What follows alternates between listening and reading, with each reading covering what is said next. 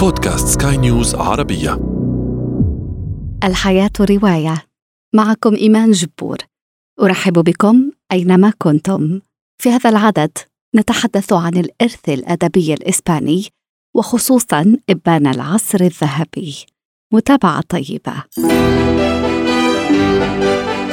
الحياة رواية.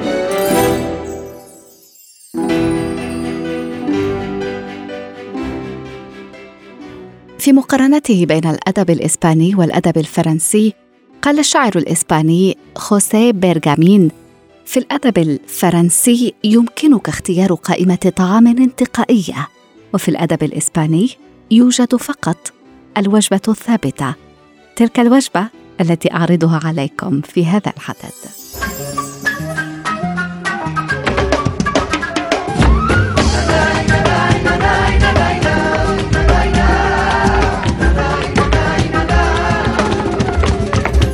الحياة حلم.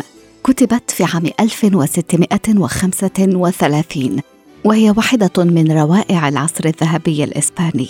وأود أن أشير إلى المفارقة هنا لكون إسبانيا التي كانت القوة السياسية التي تتسيد أوروبا طوال القرن السادس عشر بدأت تفقد مكانتها خلال القرن السابع عشر.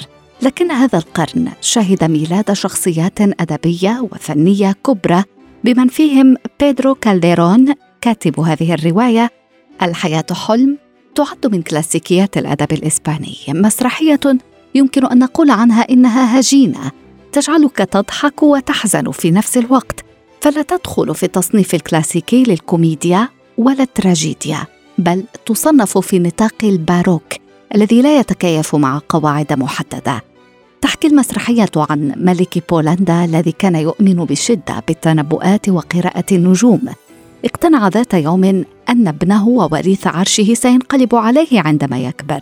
وعلى هذا الأساس قرر حبسه منذ ولادته في برج حيث سيعيش مربوطا بالأغلال. تعتبر مسرحية كالديرون منجما من العبر ودروس الحياة. فيها يقول ما الحياة؟ هذيان ما الحياة إذن؟ وهم. ظل. خيال. أعظم الأشياء. أشياء قليلة لأن الحياة ليست سوى حلم Mira, Sancho, contempla lo que tenemos ahí delante. La fortuna va guiando nuestras cosas mejor aún de lo que deseáramos, porque ves allí, amigo. العصر الذهبي الإسباني شهد كذلك ميلاد الملحمة الأدبية دون كيخوتي دي لا مانشا رواية ميغيل دي سيرفانتس رؤية غير مسبوقة لإسبانيا القرن السادس عشر أحيانا تصور على أنها هجاء اجتماعي أو كتاب تحليلي سياسي أو عمل هزلي بحت. يحكي سيربانتس عن الدون العجوز المجنون واسع الخيال وعن حارسه الحكيم اللذين صارا ثنائيا اسطوريا عبر مغامراتهما الطريفة والمدهشة عبر طرقات إسبانيا.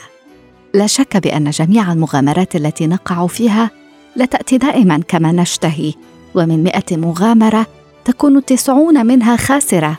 عرفت ذلك بالتجربة كما يقول سيرفانتس مبدع آخر ترك بصمة لا تمحى في الأدب الإسباني في القرن العشرين. فيدريكو غارثيا لوركا. اخترت لكم من أعماله لا كاسا دي برناردا ألبا. الجزء الأخير من الثلاثية المسرحية الريفية بعد زفاف الدم ويرما. بيت برناردا ألبا صدرت عام 1936 قبل شهرين من إعدامه من قبل رجال الدكتاتور فرانكو. كان عمره 38 سنة. يمكن أن نصف هذا المؤلف بكونه جلسة أنثوية مغلقة. فلدى وفاة الأب ووفقا لما يقتضيه التقليد الأندلسي ثلاثينات القرن الماضي تفرض الأم ثمان سنوات من الحداد على بناتها الخمس العازبات. يقول لوركا على لسان الأم برناردا خلال سنين الحداد الثمانية يجب ألا يدخل هواء الشارع إلى هذا المنزل. قطعة درامية مؤثرة عن ذلك المجتمع الإسباني المنغلق على نفسه. يحكي لنا لوركا عن هذه الأسرة الغارقة في سلطة الأم والدين أسرة حكم عليها بالمعاناة. في صمت. الحياة رواية. وأشكركم على طيب إصغائكم. لقاؤنا يتجدد في عدد مقبل. دمتم بخير.